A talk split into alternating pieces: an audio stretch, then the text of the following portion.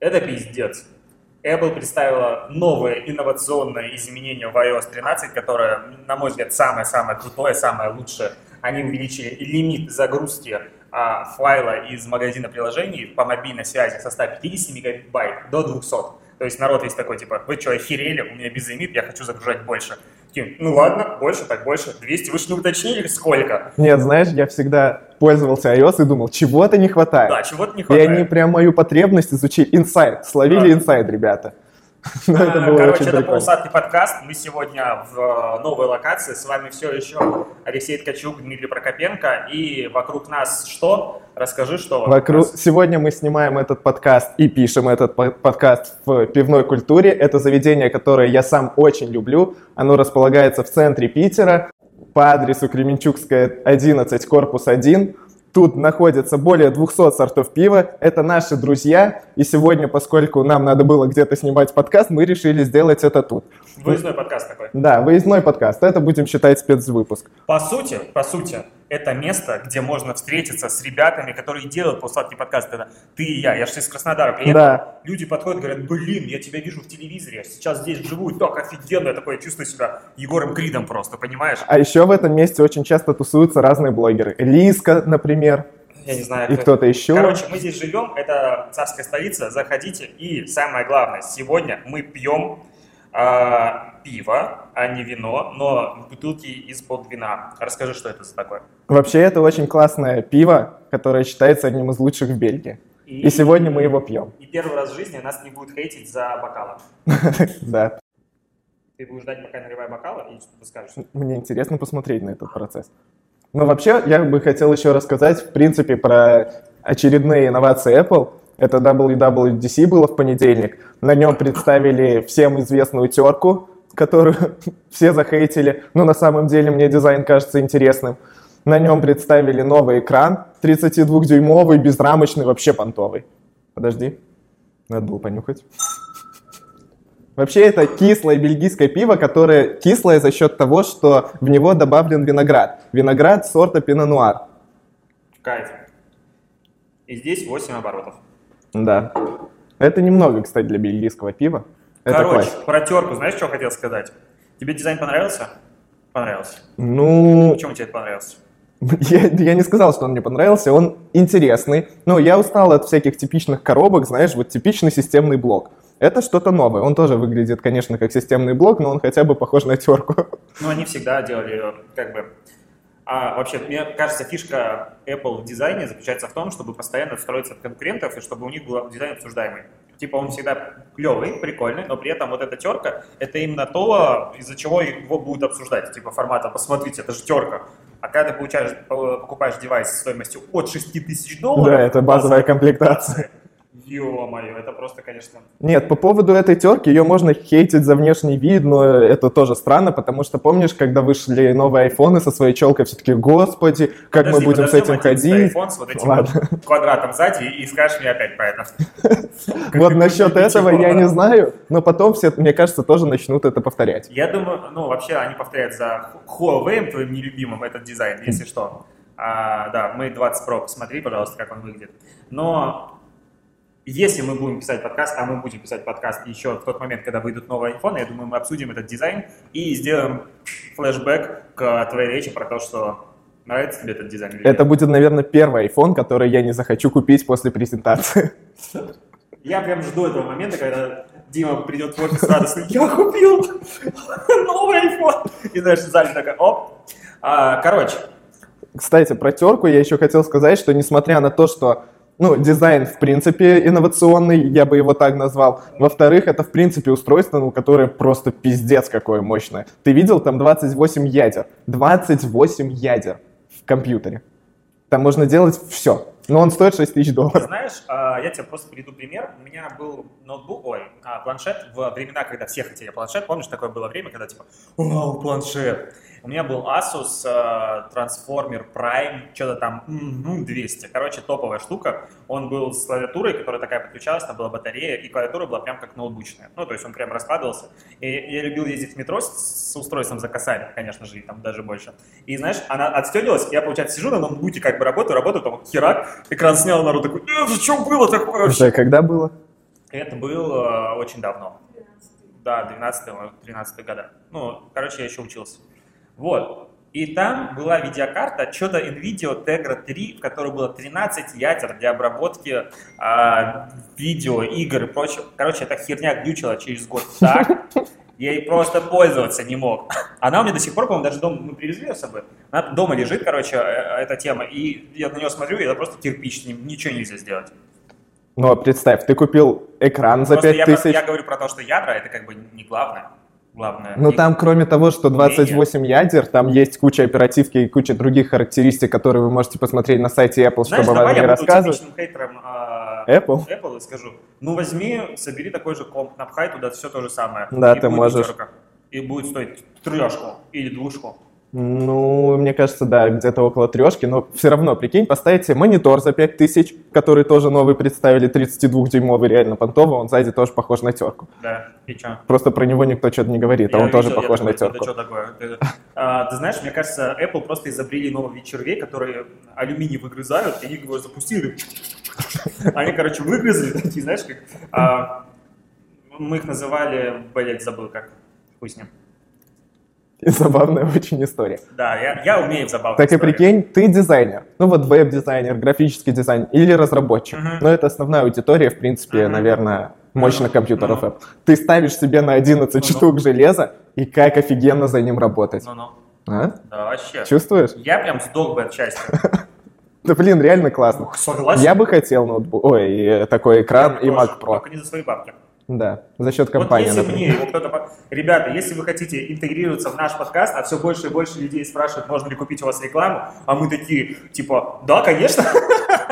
Так и накопим. А, да, если вы хотите вот интегрироваться, знаете, мы хотим новый а, Mac Pro и монитор, приходите, будем рады. Да. Да. Ну вот ты говорил то, что ты хейтер Apple. Я Я, считаю, Apple. что... Слушай, у меня дома техники Apple больше, чем у тебя. Вот сейчас давай-ка померяемся. Давай-ка. Apple Watch, AirPods, Есть. MacBook Pro, MacBook Air. а- iPhone э, Есть. Max.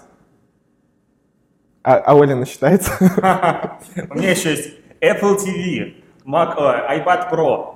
Блин, iPad у меня нет. Да. Еще и стилус можно Еще и посчитать. Pro. Да, и стилус, я бы, я бы стилус считал реально как отдельно. 15, ко- 13 есть сколько? 13 косых стоит карандаш. Ну он же умный Он, карандаш. ах- он за эти деньги сам должен рисовать, понимаешь? 13 тысяч. Я понимаю историю, ну как бы, вот меня в этом бесит как бы гениальность Apple в данном случае. Меня она раздражает как обычного потребителя, потому что я понимаю, почему это так. Формата, ты купил а, iPad Pro за, там, за 100 косых плюс, и такой, ну, я, наверное, рисовать на нем хочу, потому что это же классный ресурс. Говорит, без проблем, возможность рисовать плюс 15 тысяч. Такой, Гениально. чего? Я А считаю... ты знаешь, что встроенная зарядка его не заряжает?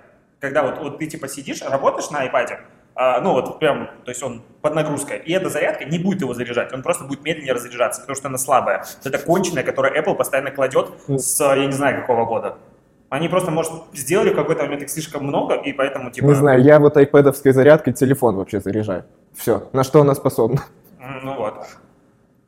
Короче, вот. И я не то чтобы хейтер, вот, вот это меня подбешивает.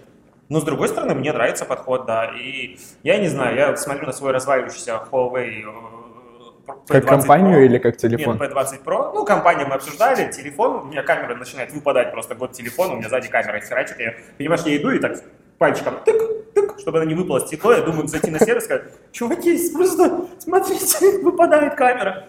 И вот это как-то раздражает. С тем условием, что, а, ну еще а, вот хейт вот этих вот самовлюбленных чмошников, у которых Apple, и такие, что у тебя Huawei, он стоит столько же, сколько наше устройство, но у него нет Я- поэтому... Я первый раз, чмошник». когда увидел твой телефон, я так и подумал, если честно, честно, я признаюсь. Но потом я понял, что я был неправ, это стереотипное мнение, так в принципе нельзя в 2019 говорить о каких-либо устройствах. Потому что тот же Oppo выпускает крутые телефоны, Huawei и так далее. Если что, Сухомера подчелкал на мой телефон и сказал, а это наш фотограф, а, что он клевый. Так вот, и короче, Apple на самом деле, они, конечно, молодцы. Ну, никто так не умеет продавать воздух, как, как Apple. Да, Согласись. Все, все бы хотели так, так же Да, поэтому я считаю, что они гениальны. Ну и на самом деле многие люди как-то опускают то, что как бы Apple по сути изобрел персональный компьютер адекватный первый с графическим каким-то Но интерфейсом. если мы закопаемся, то мы узнаем о том, что Apple сперла его у Xerox. Это уже нюанс. Ты знаешь, вот как... а, Пройти как художник. Я хотел про политику поговорить, но это вне- наш подкаст вне политики, поэтому...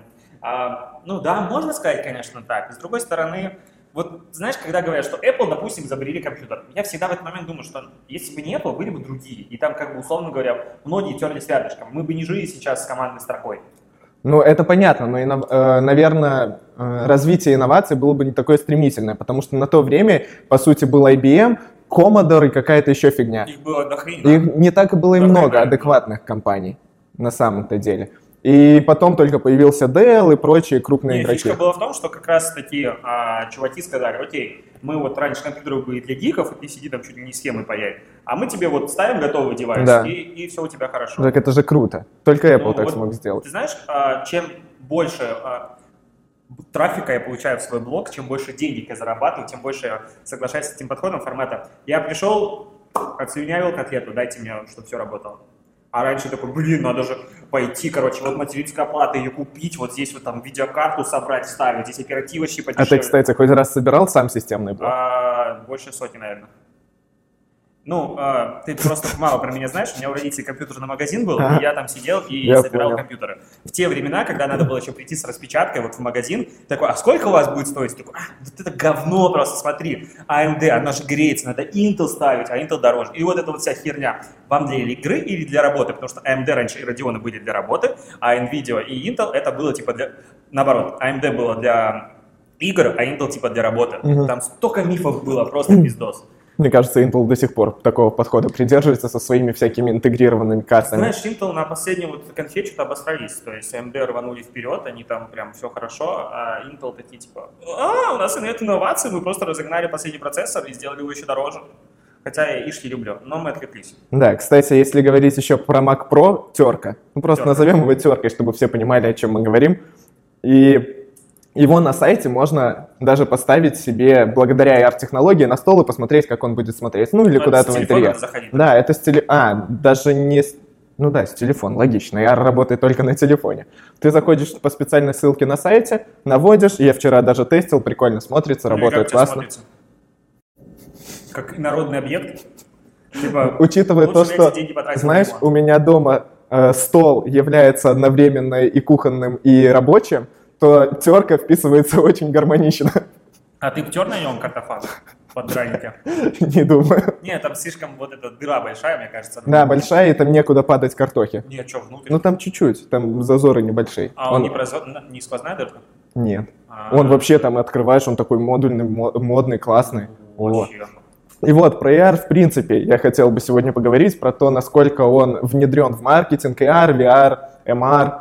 Это все, что в маркетинге уже дов- достаточно давно, но с каждым годом все больше прикольных компаний появляется. Вот недавно, не знаю, видел ты или не видел кейс, был э, Pizza Hut, сделала крутое AR э, приложение, которое выстебывает Dominus, ты просто берешь купон Dominus, а в принципе купоны распространены, ну в России, мне кажется, они не так распространены, Ну, как в знает. других странах. Я вот э, в пиццахате, мы что, ждали пиццу долго, там у них фишка 10 минут или бесплатно. И мы не дождались пиццу за 10 минут, я подошел, сказал, типа, чуваки, таймер истек, мне сказали, и ладно, на тебе купон на бесплатную пиццу.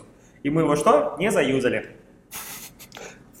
Ты берешь купон Dominus, наводишь на него камерой, и, и этот купон Dominus превращается в лучшее, еще более выгодное предложение от, от Pizza Hut.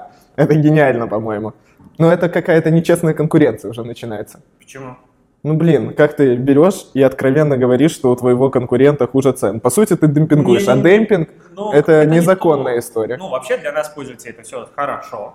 Для нас, да. Да, с одной стороны. С другой стороны, вот фишка с тем, что приди с э, там, карточкой другого, э, другой пиццерии, другого банка, другого чего угодно, и мы тебе сделаем лучшее предложение, оно распространено. Так же, как ты, допустим, захочешь с Билайна своего спрыгнуть а, на другую сеть и там, подпишешь договорную заявку о том, что я хочу принести номер, тебе наберут и скажут, ой, мы так вас И любим. бонусов еще И на бонусов, и на полгода там 900, э, там 90 рублей тебе будет без лимита и все дела. Ну, как бы, это, да, демпинг, он такой. Выгодный для пользователей. Но это, как бы, мне кажется, не самый интересный пример э, вот именно ER, потому что по факту он здесь и не нужен. Ну, то есть это можно было сделать то же самое без дополненной реальности. А вот с дополненной реальностью мне нравится кейс белорусов э, с мобильным приложением. Вон на что-то там с А, кроссовками. Да, мы, как обычно, максимально подготовлены к подкасту. Чуваки, которые сделали AR-приложение, AR-приложение для пример... Короче, ты можешь примерить кроссовки себе на ногу. Да, и они, правда, немного криво пока примеряются. Ну, Но- наверное, если на голую ногу, то все. Я просто Да. кросс на кросс Ты наводил. берешь и, короче, смотришь, как этот кроссовок будет у тебя на ноге. Вот в этом как бы фишка. То есть, мне кажется, AR сегодня это в большей степени самая крутая а, вещь для онлайн-торговли. Ну вот да, мне кажется, что AR нужен только в первую очередь ритейлу. Это речь идет про Хов, про Икею ту же, про э, магазины крупные. Мне кажется, в той же Ламоде, Асосе и так далее скоро появятся вс- все эти технологии и будет очень круто. Я Потому думаю, что иногда не хватает. Пораньше, но у L'Oreal, по-моему, э, то ли Франция, то ли откуда, ну, короче, Европа, где более как бы, интернет-маркетинг, э, чуваки просто запилили на сайте возможность примерять э, форматы косметику. Типа, причем там даже ты можешь как бы делать условный скайп-колл, но только на сайте, ну, созвон, видеосвязь а, с менеджером, который сидит вот, и может тебя проконсультировать формата, ой, смотрите, а вам сейчас вот эти тени так подойдут, ой, вам это подойдет. Я просто напомню, в Канах был, просто ты не помню, запомнил или нет. И там как раз э, ребята показывали, как это работает, они что-то показывали, какие-то кейсы, Ну подожди, а как оно работает? Я навожу на лицо камеру, и меня там Ну да, нарисовалось ты все. типа сидишь э, либо с телефона, либо у тебя в ноутбуках тоже как бы камера есть. Ты видишь себя, и тебе типа херак, херак, вот смотрите, если этот мы возьмем тень, у тебя будет так выглядеть. Понятно, что это немножко чухня, потому что типа кожа, освещение, бла-бла-бла, но это уже большой шаг вперед, потому что как ты косметику онлайн купишь? Я, допустим, не могу, мне надо идти и покупать ее ну, как бы оффлайн, потому что а вдруг тон не подойдет коже, вот это Ну вот да, всё. классика. Ну, это просто, да, не ложится, нормально. Тональник, знаешь, надо же подобрать все-таки. Блин, это такая проблема, такой геморрой. Согласен. Но, да, давай выпьем за это. За геморрой. За геморрой.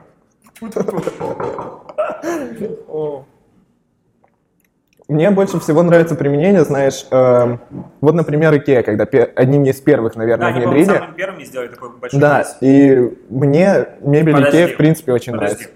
Всегда мы неправильно поступаем. Мы такие, типа, помнишь кейс? Да. Ну и хорошо, давай Да-да-да, расскажем. А, Икея. Да, да, давай. Ikea сделал одним из первых AR-приложений, где можно взять из каталога любую продукцию э, и примерить ее в интерьере в твоем. То есть наводите просто камеры, смотрите, как смотрится тот или иной стульчик, стол и так далее. Причем в э, нужном масштабе. То есть он Да. как бы вот прям как в квартире, как он должен стоять, так и будет стоять. А Тот же Хофф, у них, ну, это конкурент в России, по-моему, Ikea. Я ни разу не покупал ничего в Хофф, но мне кажется, это конкурент. Хофф разве вообще мебель? Ну, есть у них всякое такое. Ну, я, по крайней мере, у них смотрел себе подставку для обуви, и там тоже можно нажать, поставить, оно покажет размеры необходимые под это. Если не влазит, оно горит красным. Ну, вообще, в принципе, прикольно. Ты чувствуешь вообще? Ты выбирал подставку для обуви с помощью приложения, которое появилось благодаря труду инженеров, которые делали эту херню 10 лет. Они хотели мир изменить. А я Хирургам подставку помочь, для обуви. Чтобы там хирургам подсвечивалось все. Какие-то технологии в космосе. Это как? Мне нужна подставка для обуви. А, Не влезает. Следующее, следующее, следующее. Это классно и практично. Ты просто Будущее. гвоздь забиваешь этим а, микроскопом. Вот. И Выбрал? да, но там ничего не влезло, А. поэтому я зашел на Икею и выбрал там. Не помогло. Да. А может быть не было приложений, приехал бы купил, а потом уже купил, куда деваться. Вот знаешь, без приложения было бы тяжело, потому что Икея как бы не близко в Питере, например, и мне чисто впадло туда ездить, А за а, этими тефтельками? которая с костями. Ну, это мне так повезло. Я их даже, если честно, ни разу не ел. Ты не ел тефтельки из Икеи. Чего с тобой вообще разговаривал? Следующий подкаст пишем из Икеи. Прикинь, мы такие приезжаем, короче, херак, так разложились. Все, мы договорились, и, и понеслась. Вот будет тема. Блин, я бы встроил интеграцию с Икеей. Но вообще, а, из- ну, вот это реально был интересный кейс. Еще раз, одна из самых простых, но охеренно полезных вещей, связанных с ER, это, а, как она, рулетка. Пользовался когда-нибудь? Так iPhone умеет так Ну, делать. так я про это и говорю. Ну, это по сути Ну, не iPhone, AR любой телефон современный умеет, как бы, в смысле не ER, он определяет, блин, расстояние визуально. Меня это не так магии. поражает. То есть вот есть магия в воздухе, они ее берут. Кстати, Лукьяненко выпустил первую главу новой книги «Дозоров». Тебе пофиг, но я прям в Да, восторге спасибо, прочитал. мне пофиг. Охрененно. Там вообще, блин, я прям жду. Так вот, эта магия, понимаешь, они берут и измеряют кровать. Да это уже давно, я не считаю, что это уже прям Ты какое-то знаешь, классное. с Икеи вышел тоже не, не год Да, назад. ну прикинь, поставить стульчик, до сих пор классно. Дома так, Так, хоп. технология основывается, по сути, на одном и том же. Да, на том, схоже. что определять вот это вот все. Нет, знаешь, Классно объясняю. Вот определять вот это вот все. И вот это вот все, оно как бы вау потом. самое последнее, что я считаю верх AR-технологии, это ты видел Flappy Birds моргалка А, в сторис? а, это называется фильтр для Instagram Но он Stories, тоже, по сути, основан на ты, как схожих... бы, да, ты моргаешь. технологий. Вот, чувак там поднял себе подписчиков. Просто пиздос. Блин, так люди реально над это подсели. Рома сидел вот в этом заведении и говорил, дай поиграть, дай поиграть. Оно на андроиде почему-то лагает, а у меня хорошо работает. И он сидел минут 20 и вот так вот делал. На андроиде лагает. А знаешь, как глаза устают? Он сидел, у него уже слезы текут, но все равно играл. Больной человек. Так давай запилим себе такой. Что у нас Для будет летать? подкаста. Наши мордочки? Не знаю. А, там Короче, там будет пить, ты будешь пить, надо не уронить бокал. это похоже на яйцо. Надо глазами моргать, знаешь, правым-правым, и типа вот это вот такая баланс. Офигенно, Блин, все. Надо так с Димаем тяжело. фильтр. Да, да, вот это классный был кейс. Мне тоже очень понравился. Ну, ты С сам- яйцом был То есть, хороший подожди, кейс. определимся. То есть, а, охрененно полезная в мире и в жизни ER-рулетка, с помощью которой я там шторы себе покупал. Я реально использую. Единственный ER-кейс, который я прям использовал в жизни. Я там что-то измерял, там мы мерили, влезет у нас э, как, шкафы, там, когда мы передвигали все. Это как бы, ну, такое. А вот моргалка Flappy Birds самая тупая игра в мире. Ну, и одна Не из. надо. Это была инновация в свое Вот время. это вот круто, да? Ну просто Я просто вот уточнил, да или нет? Ты ржешь? Ответь на вопрос, да или нет? нет. Нет? А, Все-таки ладно. я склоняюсь к варианту нет. Хорошо, вот я, я рад, что... Я просто рассказал, что AR-технологии и, в принципе, их развитие может быть разным. Тупым и бесполезным, как креатив часто бывает тупым и бесполезным, и полезным, как Этот, Икея. э, я вообще больше ставку ставлю не на телефоны, которые там, ну, ER используется обычно в развлекательных целях. И, конечно, покемоны произвели революцию, но лично я всегда за покемонами охотился без дополненной реальности, потому что батарея сжирала сильно. Я так, и удобнее так было. Ну что, ты сидишь такой в тралике, едешь, а я еще был бедный, ездил на общественном транспорте, наводишь и знаешь, такой, а, вот он, этот покебол. Блин, я уже и забыл про этого покемона, я, я тоже их даже Народ ловил. играет до сих пор. Да? Да вообще. Это люди, которые в 2048 и Flappy Birds еще играют, да, до сих ну, пор? не гони, 2048 для полетов идеально. Херь. Да, я иногда вижу таких динозавров в метро в Минске. В Питере я не езжу на метро, понятно. Ты в Минск ездишь на метро? Да, потому, ну, вспомнить корни, так сказать. Не знаю, ты можешь пойти еще. Не буду говорить сравнение. Хотя в Минске можно все обойти, в принципе, пешком. А, короче, так вот, это одно направление развития VR. Второе — это вот, а, шлем от Microsoft HoloSense. HoloLens. Так это HoloLens. уже VR. Почему VR, а не дополненная реальность? Это, короче, не Oculus, не HTC, вот формата, что ты не видишь ни хрена. Они именно дополняют твою реальность, в этом прикол. И она... Так вот- если ты что-то одеваешь, это дополняет, то это уже, глаза. это уже скорее смешанная реальность получится. Ну, да, возможно, да. Ну, типа... Это и VR, и AR. Подожди, а разница между дополненной реальностью и смешанной реальностью в чем? Дополнен. Ты, а, смотри, дополненная реальность, ой, смешанная реальность, это, допустим, ты вот надеваешь очки, там, не знаю, Google Glass какой-нибудь, и ты можешь там хоп, хоп, как, как вот в «Матрице» и прочих фильмах. Охрененно, то есть, да? Ну да, это уже смешанная реальность. Вот, короче, получается. мне смешанная реальность вообще больше всех нравится. Из всех реальностей смешанная самый топ. Потому что то, что делает Microsoft, я надеюсь, что они добьют все-таки HoloLens свои. Почему именно Microsoft? Все же в этом направлении работают, Они говорят, самые что даже Apple хочет выпустить Ну, они сейчас. хотят, а у Microsoft уже два года как есть. Слушай, а когда Google Glass? Их уже делают лет 10, мне кажется. Так они забросили их. А эти применяют д- на заводах уже чуваки, типа, ходят таком шлеме, типа, он нам подсказывает, тут это, тут это. А, подожди, а это не Вилса их э, обозревал? Да, Вот ты про них. ну да. Ну, он много чего обозревал. Ну вот это был на какой-то конференции в Барселоне, по-моему, и там Да. были эти... Блин, эти, да, я, я тоже захотел их. Но их же нельзя купить. Ну, они типа стоят для хера. Да. Вот как терка примерно. Выбирай, что ты хочешь, будущее Нет, купить конечно, я бы купил MR-очки, а не терку. А я бы терку купил, потому что в ней есть смысл, а в э, дополненной Ну. реальности пока нет. Типа, смотри, что у меня есть. Такие, Вау! И ради этого там трешку 4, 4 косаря. Так а прикинь, в будущем это активно, мне кажется, будет внедряться в сферу, в принципе, хирургии, например, или какого-нибудь другой области. Прикинь, как обидно AdBlock поставить в реальности. И идешь и такой, короче, и это байнерная слепота вообще в космическом уровне. И туда какие-нибудь картинки из твоей жизни ставишь, фотографии. И ты ходишь, у тебя весь город показывает твои фотки. Ты, ты, ты сказал про байнерную слепоту и, в принципе, про рекламу. Ну, и, Да, ты... В космосе. ты- я смотрю, ты слушаешь меня очень внимательно. Спасибо, Да. что повторяешь. и я вспомнил э, кейс, который уже должен скоро произойти. Ну, не кейс, а, в принципе, такое событие. Рекламу в космосе Ситников запускает из... э, блин, Hungry Boys во что вырос потом? Забыл. Ну, Ситников я Possible. рекламировал просто. Вот. И как ты относишься к тому, что в космосе скоро на орбите Земли будет тоже реклама?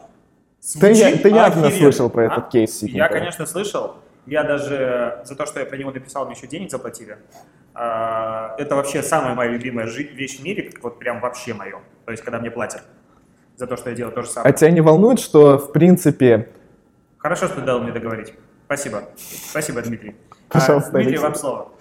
а ты не думаешь над тем, что вот эти вот рекламные блоки, которые будут выходить на орбиту Земли и транслировать логотипы и прочую фигню, надо Setters логотип запустить, и рядом The Native, и полусладкий подкаст. И Сложно, понимаешь, у нас все буквы, ну вот еще если Native, он, а, ну, как бы можно единый блок, а у Setters как их соединять вместе, типа много оторванных блоков. Ну да. Надо переделать логотип. Да, надо готовиться к будущему. И если ты запускаешь в космос эти объекты, они хоть и говорят, что они потом э, разлагаются, и все хорошо, это не вредит э, всему этому космическому мусору, которого и так дохерища. Но мне кажется, что это все немного попахивает пиздежом, и то, что все-таки это еще хуже ситуацию сделает с мусором в Ты космосе. знаешь, искренне, пока на мусор в космосе мне катастрофически насрать. На мусор в океане. На мусор в океане как раз, я про это хотел сказать, мне не насрать. Я от этой статистики о том, что 500 миллионов трубочек ежедневно выбрасывается, вот я от этого херевал. А то, что в космосе будет что-то летать, ну... А это было в понедельник на трендельнике А я цифра? же был... А. Нет, это я просто прочитал в баре, в котором я сидел, и они сказали, у нас пала трубочки бумажные, а не пластиковые. Прикольно. Вот, по- а реклама в космосе, ну, прикольно. Может, это космос разовьет. Реклама двигатель прогресса. Может, мы в космос начнем летать. Порно-двигатель прогресса. Они внедряют все первыми. Порно-реклама двигатель прогресса. Вот знаешь, кто одних, одним из первых активно начал юзать VR? Кстати. Порноиндустрия. Ты пробовал? Херня. Нет, так, э, у меня нету ничего, чтобы ты не попробовать. пробовал? Я, короче, я помню, мы пришли к чуваку, Андрею звали, мы с ним на игре учились, а, и мы там что-то ходили к ним в гости играть в настольные игры. Я прихожу к нему, он говорит, блин, Леха, у меня такое есть, я тебе сейчас покажу. Он купил этот а, самсунговский шлем, э, VR-овский, что-то типа того, вставил на телефон, говорит, на, смотри, включай мне порнуху. Типа, ну как тебе? Ну, ты знаешь, как-то я вот Последний раз, типа, так в школе было, я не знаю, когда-то давно, когда, знаешь, типа, собираются пацаны, у меня есть кассета. О, ничего себе. И я почувствовал, типа, ну, сидит вот Саша рядом, его жена сидит, он сидит, а у меня тут как. Я понимаю, что другие не видят, но я-то вижу. Неудобно. Они же еще выпустили какую-то штуку. э, Давай не будем углубляться в эту тему во всех смыслах. Я- Я просто про то, что вот порноиндустрия прям инноватор в плане и рекламы, и каких-то технологий, и AR, VR. Мне рассказывали, что на Порнхабе сегодня, ну как сегодня, типа сейчас, есть реклама банка какого-то. То ли точка. А, да, то ли точка. еще кого-то. Да, да, да. Я, я слышал тоже про это. Я вот думаю, насколько это этично формата предприниматель, дрочишь, приходи к нам, будем дрочить вместе. Но у них же не такой посыл явно, мессендж. Не знаю, но было бы интересно, знаешь. А как они таргетируются? А чего? Ретаргетинг, а потом потом ретаргетинг. А почему? А, кстати, не, не пропустит он. Э, Ретаргет не соберет. Э, Почему нет? Там же собирается вся аудитория. Ну реально, все смотрят, мне кажется, Ты знаешь, порно. мне кажется, тут есть такой момент контекста. Вот, условно говоря, если бы я пришел в какой-нибудь гей, БДСМ бар, и тут ко мне подошел бы чувак и сказал, «О, Леха, привет!» Я бы не хотел с ним в этот момент говорить. Ну вот, то есть в обычном баре, окей, в таком не особо. Ну, как бы контекст. Точно так же, если я захожу на, условно, Википедию, мне тут рекламу показывают, хотя там рекламы нет, не дойти. Так вот, и мне говорят, типа, иди, купи. Окей, можно. Я А вот, придумал идеальный месседж. но. Кончил и точка. А? Я думаю, мы это вынесем заголовок. Ой. А ты знаешь, как у меня раньше презентация заканчивалась? Да, А, кончил. кончил. И точка в конце Ну, да, была. кончил, точка. Ну, как бы, мне сказали, нельзя так. Ну, как? Саша, привет. Ты, а, Ну. рубрика «Сеттерс нас не смотрит». Регулярная Да, рубрика. регулярная рубрика в эфире. А, Саш, привет. А, Я знаю, что... Да. Я, блин, хотел да, обсудить про... Сука, забыл. Такая мысль была охуенная. Мы Она связана с VR? MR? А, VR? Подожди, порно, банк, а, сука, ну такой прям презентация. Предлагаю твои затупки не вырезать. Моменты, когда у меня приходит какая-нибудь мысль в голову, у меня сейчас просто чуть не правило, которое пытаюсь себе татуху набью. Типа, придумал, запиши. Вот реально, у меня будет на двух руках. Придумал, запиши. Вот Я, кстати, всегда открываю очень быстро в телефоне заметки и записываю. И Потому так что я забываю... перебор мышления или что? Типа ты такой, а, мысль! Хера Не, ушла. это, это норма, это память рыбка называется. Это говно называется, потому что вот типа ты идешь, придумал, потом идешь, э, так, развиваешь эту идею, зашел в лифт такой, о чем я только что думал? И все, и такой туман вокруг просто, и нет ни хера. Короче, обидно очень. Мысль была хорошая, я ее упустил. Ты вообще не помнишь, про что она была? Пизда просто, вообще ушло. Вот я еще э, кейс вспомнил. Volvo, э, они продавали благодаря VR, одними тоже, наверное, из первых, э, тест-драйв. Ну, это не- идея на поверхности, простая. Они предлагали брендированные очки, ты надеваешь и можешь новую модель XC90, или как она там называется, джип такой. Такой себе. Да, но при этом всем это был одним из первых кейс применения э, VR именно в тест-драйве. Они собрали, по-моему, 4 миллиона просмотров и за два дня продали предзаказ на эту новую модель XC. Благодаря этому. Ну, мне кажется, не благодаря этому, а благодаря большому пиар-охвату, который получился. да, э, ну это, этого. да, Я, кстати, следствие. еще хочу написать материал по поводу того, как пиар может двигать SMM. Очень мне это Так нравится. мне кажется, это, в принципе, сейчас настолько взаимосвязанные А, вещи. просто про это как-то вот никто не говорит. Вот прям пиар это двигатель SMM. Вот знаешь, типа статья. Хуяк, все написал, значит можно. А вот если этого нет, то нельзя. Так это просто один из каналов пиара, по- Э, по Для сути, VR, мне кажется, ER. ER, наверное, в большей степени. Или вообще допол- Нет, наверное, VR. Короче, для дополненной реальности один из самых прикольных кейсов может быть это продажа квартир. Ну, ты приходишь на новостройку, короче, вокруг голые стены, Да, причем кривые, да.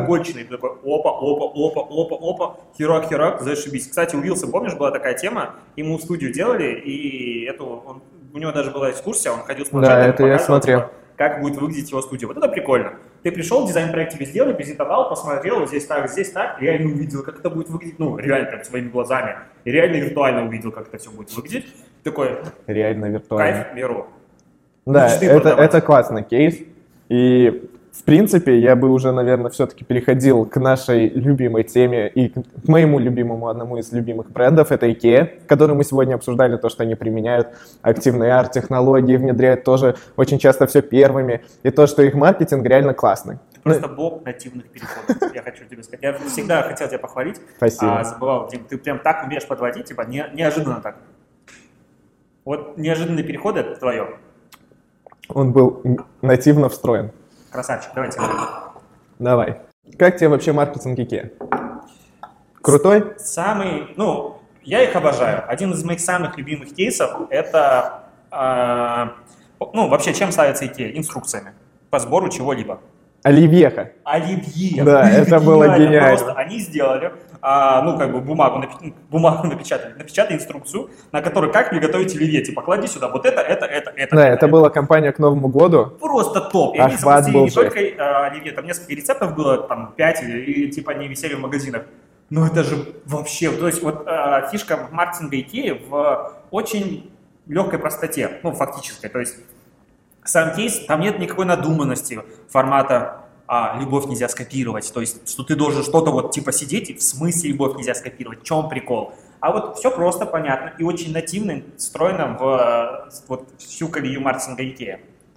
Мне, мне нравится, что IKEA может сделать даже из ошибки кейс. Но я, да я до сих пор считаю, что когда они выложили хэштег в итальянской, по-моему, IKEA это было, хэштег, который Не, это был хэштег, это было просто... Набор кто- символов. да, Кто-то пост выпустил с описанием «Бью- «Бьюсь клавиатурой в голову». да. И там был просто набор символов, все начали думать, что это за набор символов, все начали обсуждать, лайкать этот пост. Потом IKEA даже выпустила сумку с этим хэштегом, которая разлетелась моментально. А помнишь, как э, они из своей синей сумки придумали, в принципе, какой-то или аксессуар, или Не помню, расскажи. Был, я вот тоже не помню до конца этот кейс, но я помню, что эта сумка Красавчик. стала очень популярной, благодаря тому, что ее Нет, они это было, адаптировали. знаешь что, это а, условная Balenciaga, но это был не такой бренд. Ну, короче, бренд дорогой херни. Выпустили сумку формата, она стоит 10 тысяч а, миллионов выглядит долларов. как Икея. Да, а выглядит типа вот как большая сумка. Икея написала, типа, ну, у нас то же самое, только за полтора.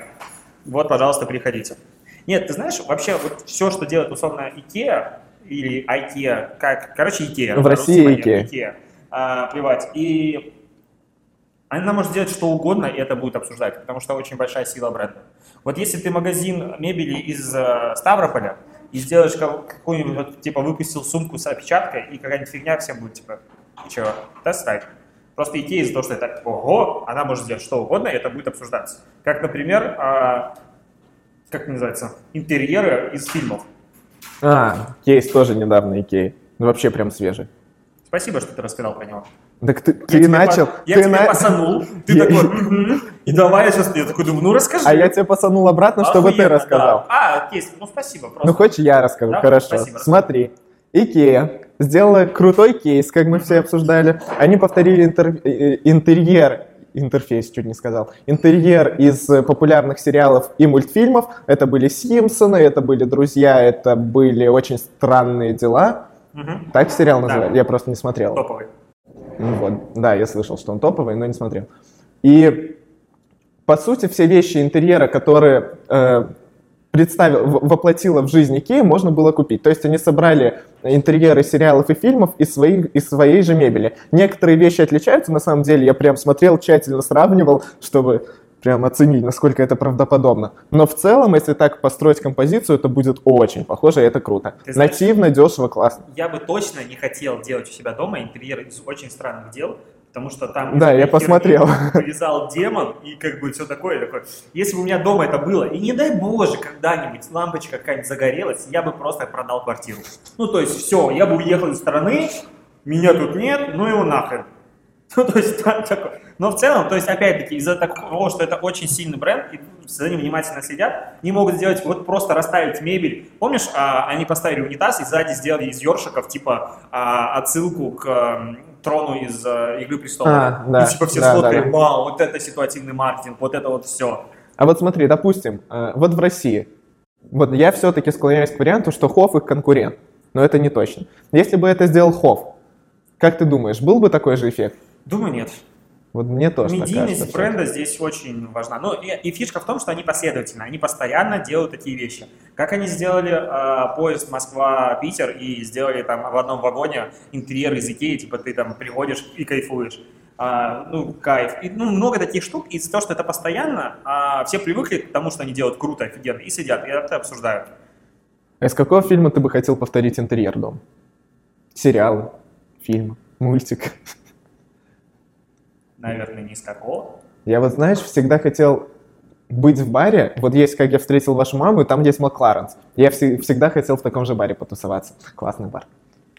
Просто э, Я рассказал интересно. вспомнить а, любой сериал который, или фильм, в котором охрененно богатый интерьер, я бы хотел его повторить. А ты смотрел, э, блин, про вампиров сериал? Не «Сумерки» и не прочее, это не сериал. Дневники Блин, вампира? Кстати, у них классный «Сумерках». Дневники вампира? Нет. Может, Блин. Дневники вампира? Да не дневники вампира. Я не помню. Блин, я забыл. Только что было в голове. Вот как у тебя, только хотел Не, сказать. у меня другое. Уже Ты было на поверхности. Нет, вылетело. Вылетела, упорхнула как птичка. Да. Не, короче, я не, не знаю, ну, то есть вот самого прикола повторить у себя дома интерьер откуда-нибудь, нет. Ну, возможно, только вот я бы дома у себя хотел повторить интерьер и масштаб э, большого обеденного зала из Гарри Поттера, ну, как вариант. Или библиотеки, ну, то есть такое, типа, Это, было- 1300 метров. это было бы сложно повторить. Ну, я вот просто, вот, типа, если бы у меня была возможность, возможно, но я бы хотел больше обладать такой возможностью для повторения. Но в целом, э, нет. Скучный ты просто. А, кстати, еще я про Икею. Вот я уже подзабыл, но вспомнил резко. А, Был кейс, это даже не кейс, это просто была забастовка. И даже забастовка у них в Италии была креативной, потому что э, Икея порезала им бонусы на 20%. Ну и понятное дело, когда тебе на пятую часть э, режут бонусы, это как бы не, ок. Они вышли все на улицы и повесили на себя э, как, знаешь, скидочные красные ценники в Икее.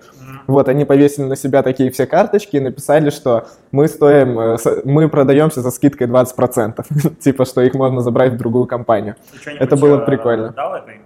Ну, об этом говорили. А. Результаты не знаю, и я вот когда читал кейс, там не было описан результат. Но, в принципе, медийный охват был широкий. И это тоже было в итальянской Икее. Они, в принципе, как-то Ну, креативные там Вообще, ребята. если так вот все суммировать, что мы говорили про Икею, их основная фишка в том, что они интегрируют креатив э, в свой продукт максимально. Даже свой продукт вас делают основой креатива. Я бы, О чем знаешь, забывают многие. я бы сказал, что у Икеи, у Икеи осмысленный креатив. Не бесполезный креатив ради креатива, которых полно на российском рынке, европейском, там, Приведи американском. пример. Да господи, Тануки, Рибок. Не, это ну, все Тануки креатив это просто- ради креатива. Это, Ну, не, ос- ну, это никакой пиар. осознанности. Это, это, от- отстойный пиар. я считаю, что это креатив, который не несет в себе никакой привязки к бизнес-задачам. Очень часто креативщики забывают о том, что надо все-таки мыслить в первую очередь с позиции бизнеса и какие задачи он должен решать. Вот Икея к этому подходит осмысленно. Неосмысленный креатив — это вообще жесть и плохо, и мне грустно от того, что в России, мне кажется, его много. Пример неосознанного креатива — это, знаешь, типа «сосни за елку». Вот это прям пример российского креатива. Там стоит девушка, и написана такая фраза. Креатив пиздец. Что они рекламируют? Елки А и сосны. Ну, типа, Сосну за елку. ну, типа того. Нет, сос- ну там суть такая, да. Спасибо. Жесть. И очень много в России, в принципе, плохой рекламы, я считаю. Неосознанно. Её Креатива. Ее везде много. Ты просто, смотри, еще прикол того, что типа, вот у нас реклама говно, рынок рекламы говно, а вот там просто манна небесная. Нет, я, кстати, нихуя никогда не говорю, Просто что... оттуда мы видим самые лучшие кейсы, а здесь мы видим все кейсы. И как бы, и, и все. Я согласен, что в других странах тоже есть, хватает э, плохой рекламы. Но поскольку я работаю вот именно в сфере российского и СНГшного диджитал-маркетинга, то это изменить? Менять подход к креативу. А я думаю, Методология. и массовые репрессии спасут рекламный рынок. Знаешь, такая а, экзаменационная сессия рекламщиков, тебе дают бриф, три брифа, ты, короче, решаешь их, потом а, международное жюри, у которых канцлер вы все такое, такая, типа, вычеркнули, я видос видел, там, где препод проверяет а, работу учеников, и там, «Ui, так херачит всё». Короче, тебя проверяют, ты такой, туда. И все, и нет тебя больше, и дворником работаешь. Пальцы отстрелили, и больше не можешь по клавиатуре не брать. Ты как будто знаешь какого-то своего друга рассказал, который работал дворником, и ему отстрелили пальцы. Не, ну в целом, а, когда мы говорим про плохую рекламу типа отстойный креатив, тут же всегда есть а, у этой палки, нет, у этой у Ну, медали две Палка стороны. о двух концах. Нет, это, у этой медали есть две стороны. Мгм. Это я это по- пословицу. Мгм. Вот Оле не хватает просто, чтобы она подсказывала, знаешь, как суфлер. Народные мудрости. Да, такую народную мудрость Басила. Жаль, что она тоже нас никогда не слушает. Мне нравится, что все наше ближайшее окружение не слушает наш подкаст. Так приятно, прям сердце так радуется каждый раз. Да, согласен. Так вот, а, с одной стороны, да, могут быть рекламщики, ну, неправильно и, делать креатив и так далее. С другой стороны, как часто, э, не знаю, я в своей практике встречал, когда ко мне приходит бриф, такой вот открываешь, думаешь, ё-моё, ну, типа, чуваки, вы серьезно? Вот, вот, вот, вот, это, вот это вы хотите? И ты приходишь на встречу, начинаешь рассказывать, то все. И, ну, у меня всегда есть э, несколько примеров из, из моей белорусской жизни, из моей белорусской практики, когда к нам пришел бриф с целевой аудитории 16, по-моему, 65 тире Конец. Средний уровень дохода и ниже, там даже средний минус. Ну, вообще, в принципе, брифы всегда средний плюс, на других никто не работает, ну, кроме а, люкса. А вот нищеброды, они вообще никому не нужны, мне кажется, не едят, не пьют, ничего не покупают. А, ну, просто все средний плюс, я, по-моему, Да. я даже мне открывать не надо бриф, чтобы понять, что средний плюс. 18, 25, 25, 35. А тут был именно сон системы 16, 65. И мы такие, типа, Вся аудитория. это для соцсетей, то есть э, надо создавать э, группу социальных сетей с целевой аудиторией 16-65. Широкий охват. Вообще просто, просто без таргета запускай. Ты, кстати, вот говорил, мне кажется, все-таки чуть-чуть про... Ну, я изначально когда-то начал говорить про медаль... э, Как ты сказал? Медаль... от- Я про палку говорил. Медали две стороны. А, ну, типа того. Это немного не так звучит, но Нет, так смотри, вот на этом этапе, а, допустим, мы начинаем обсуждать, и, к примеру, я пытаюсь объяснить, что это неправильно. Надо сегментировать аудиторию, выделить основную целевовку и пойти дальше. Это один вариант. И у нас так было, слава богу, все получилось хорошо. Хотя нам надо было сделать тендерное предложение, по-моему, за три дня перед Новым годом. Ну, бывает такое. Мгм. С другой стороны, тебе же клиент может сказать, типа, нет, моя целевая аудитория 16-65, я хочу, чтобы все ели то, что я продаю. И такой... Я да, ушел. очень часто бывает такое, и в Setters такое бывает довольно часто, когда клиент продавливает какие-то свои идеи, и ты просто в некоторых случаях вынужден принять какие-то их э, глупые решения. Ну, у нас есть даже проекты, где я не буду Нет у нас называть. таких проектов? Есть, Нет таких проектов. есть, к сожалению. Рубрика Insight из Setters. Ну, просто не все... э, у нас есть очень много хороших решений, и всегда, в принципе, у агентств есть реально хорошие решения, но они разбиваются какой-то глупость клиента, который не понимает всей специфики. Вопрос, откуда клиент такой тогда берется? Может быть, его надо уволить? Ну, если тут есть несколько факторов. Если ты уже реально крупное агентство, у тебя есть э, постоянный доход, у тебя есть какая-то подушка, то такого клиента можно уволить. В принципе, я, считаю, нужно. нужно, да, потому что он разлагает агентство изнутри и только все портит. Э, Но эта ситуация, знаешь, мне кажется, довольно идеального мира. До такого агентства еще надо дорасти очень многим и многим.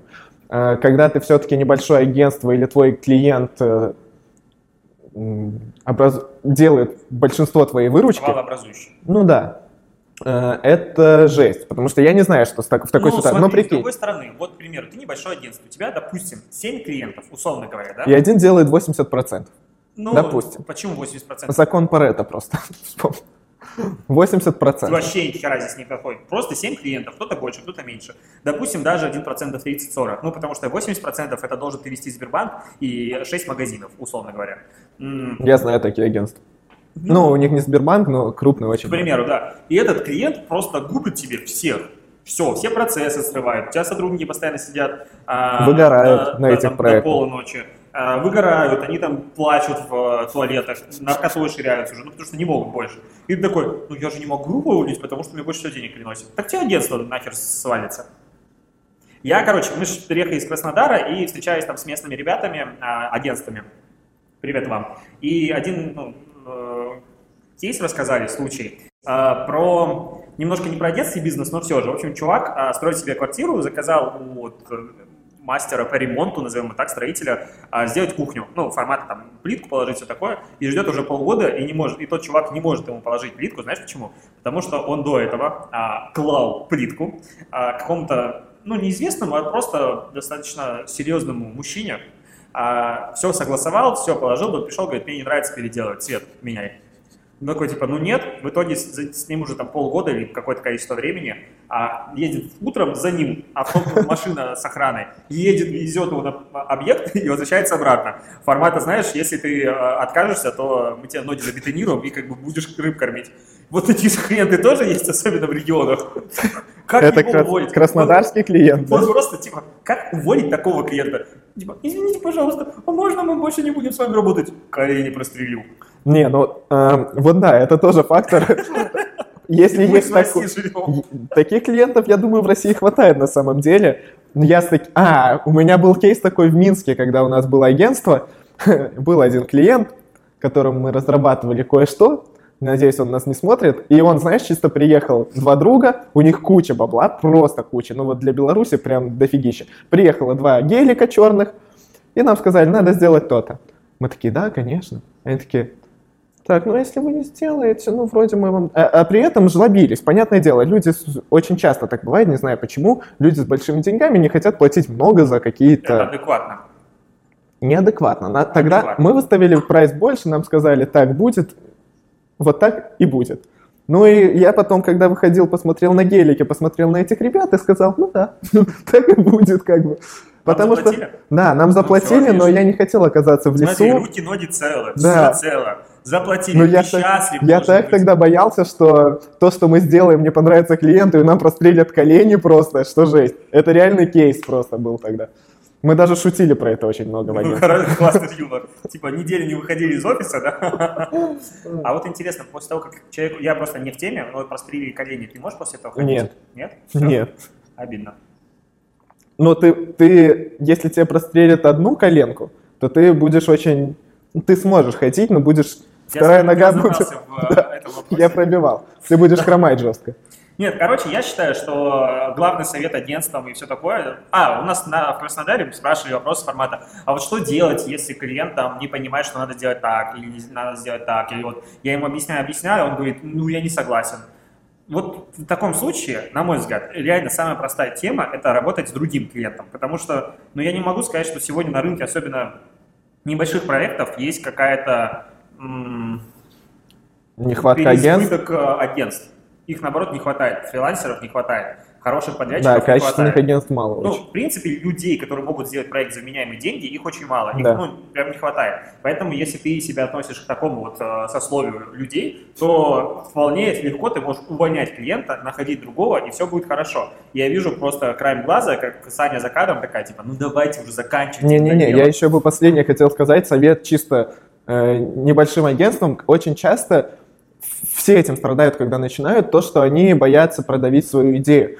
Правило формата «клиент всегда прав» — это не панацея, это вообще, мне кажется, очень часто глупое правило. И поэтому надо не бояться еще и продавливать свои, агентства, э, свои идеи агентствам, потому что многие даже не пробуют этого делать и соглашаются на все. В данном случае экспертом выступаете вы как агентство, и поэтому надо всегда хотя бы попробовать. Если это бесполезно, бьешься как об стенку, то да, так- тут нужен твой подход, с этим клиентом не надо работать, просто работайте над другим проектом, и все классно будет. Согласен. Мне кажется, Но как-то есть так. еще, знаешь, важный момент, про который мы как бы упускаем, мне кажется, что мудаком в паре клиент и агентство может быть не только клиент. Да, это факт. И агентство очень часто может предлагать херню, которая вообще не сработает. И такие, «А, мы эксперты, вы должны нам доверять. Запускаем масс-лукинг и будем прям просматривать все сторис, прям как насмотрим вам все. Ну, то есть, а тут э, бывает как бы двойная ситуация, и не надо думать, что если ты фрилансер или агентство, ты обязательно прав, а клиент вот ни хера не понимает. Нет.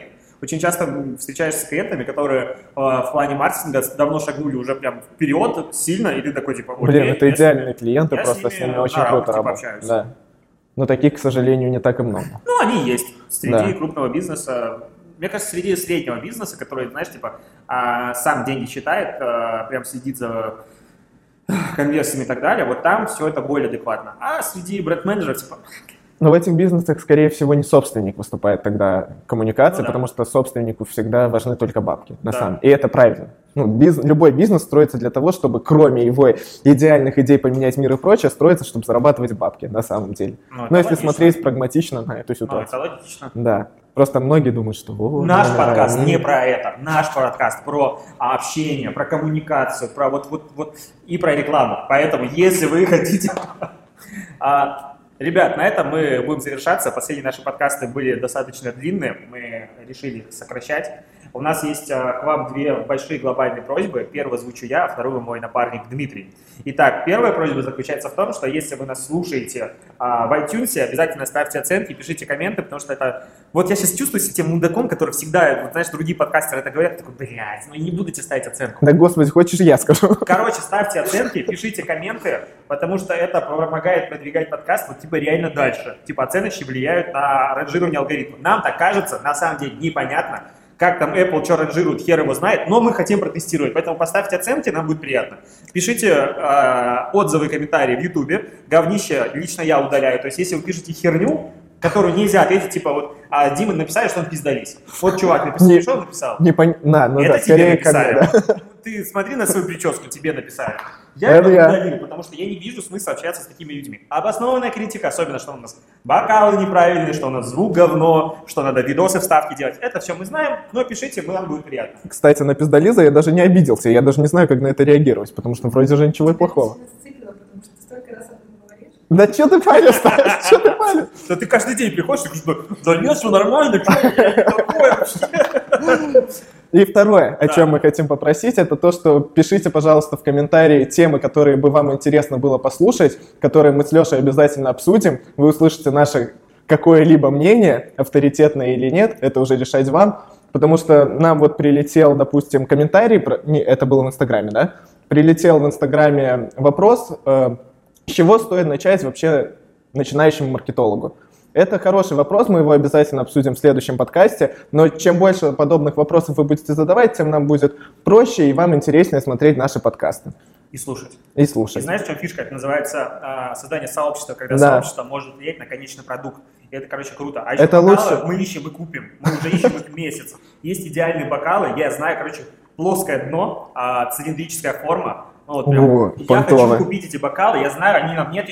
Вот еще немножко, знаешь, я отвлекусь. Сука, интернет-магазин продает бокалы, я оставляю заявку, я хочу их купить. Две недели ни звонка, ни пердежа. Что за херня?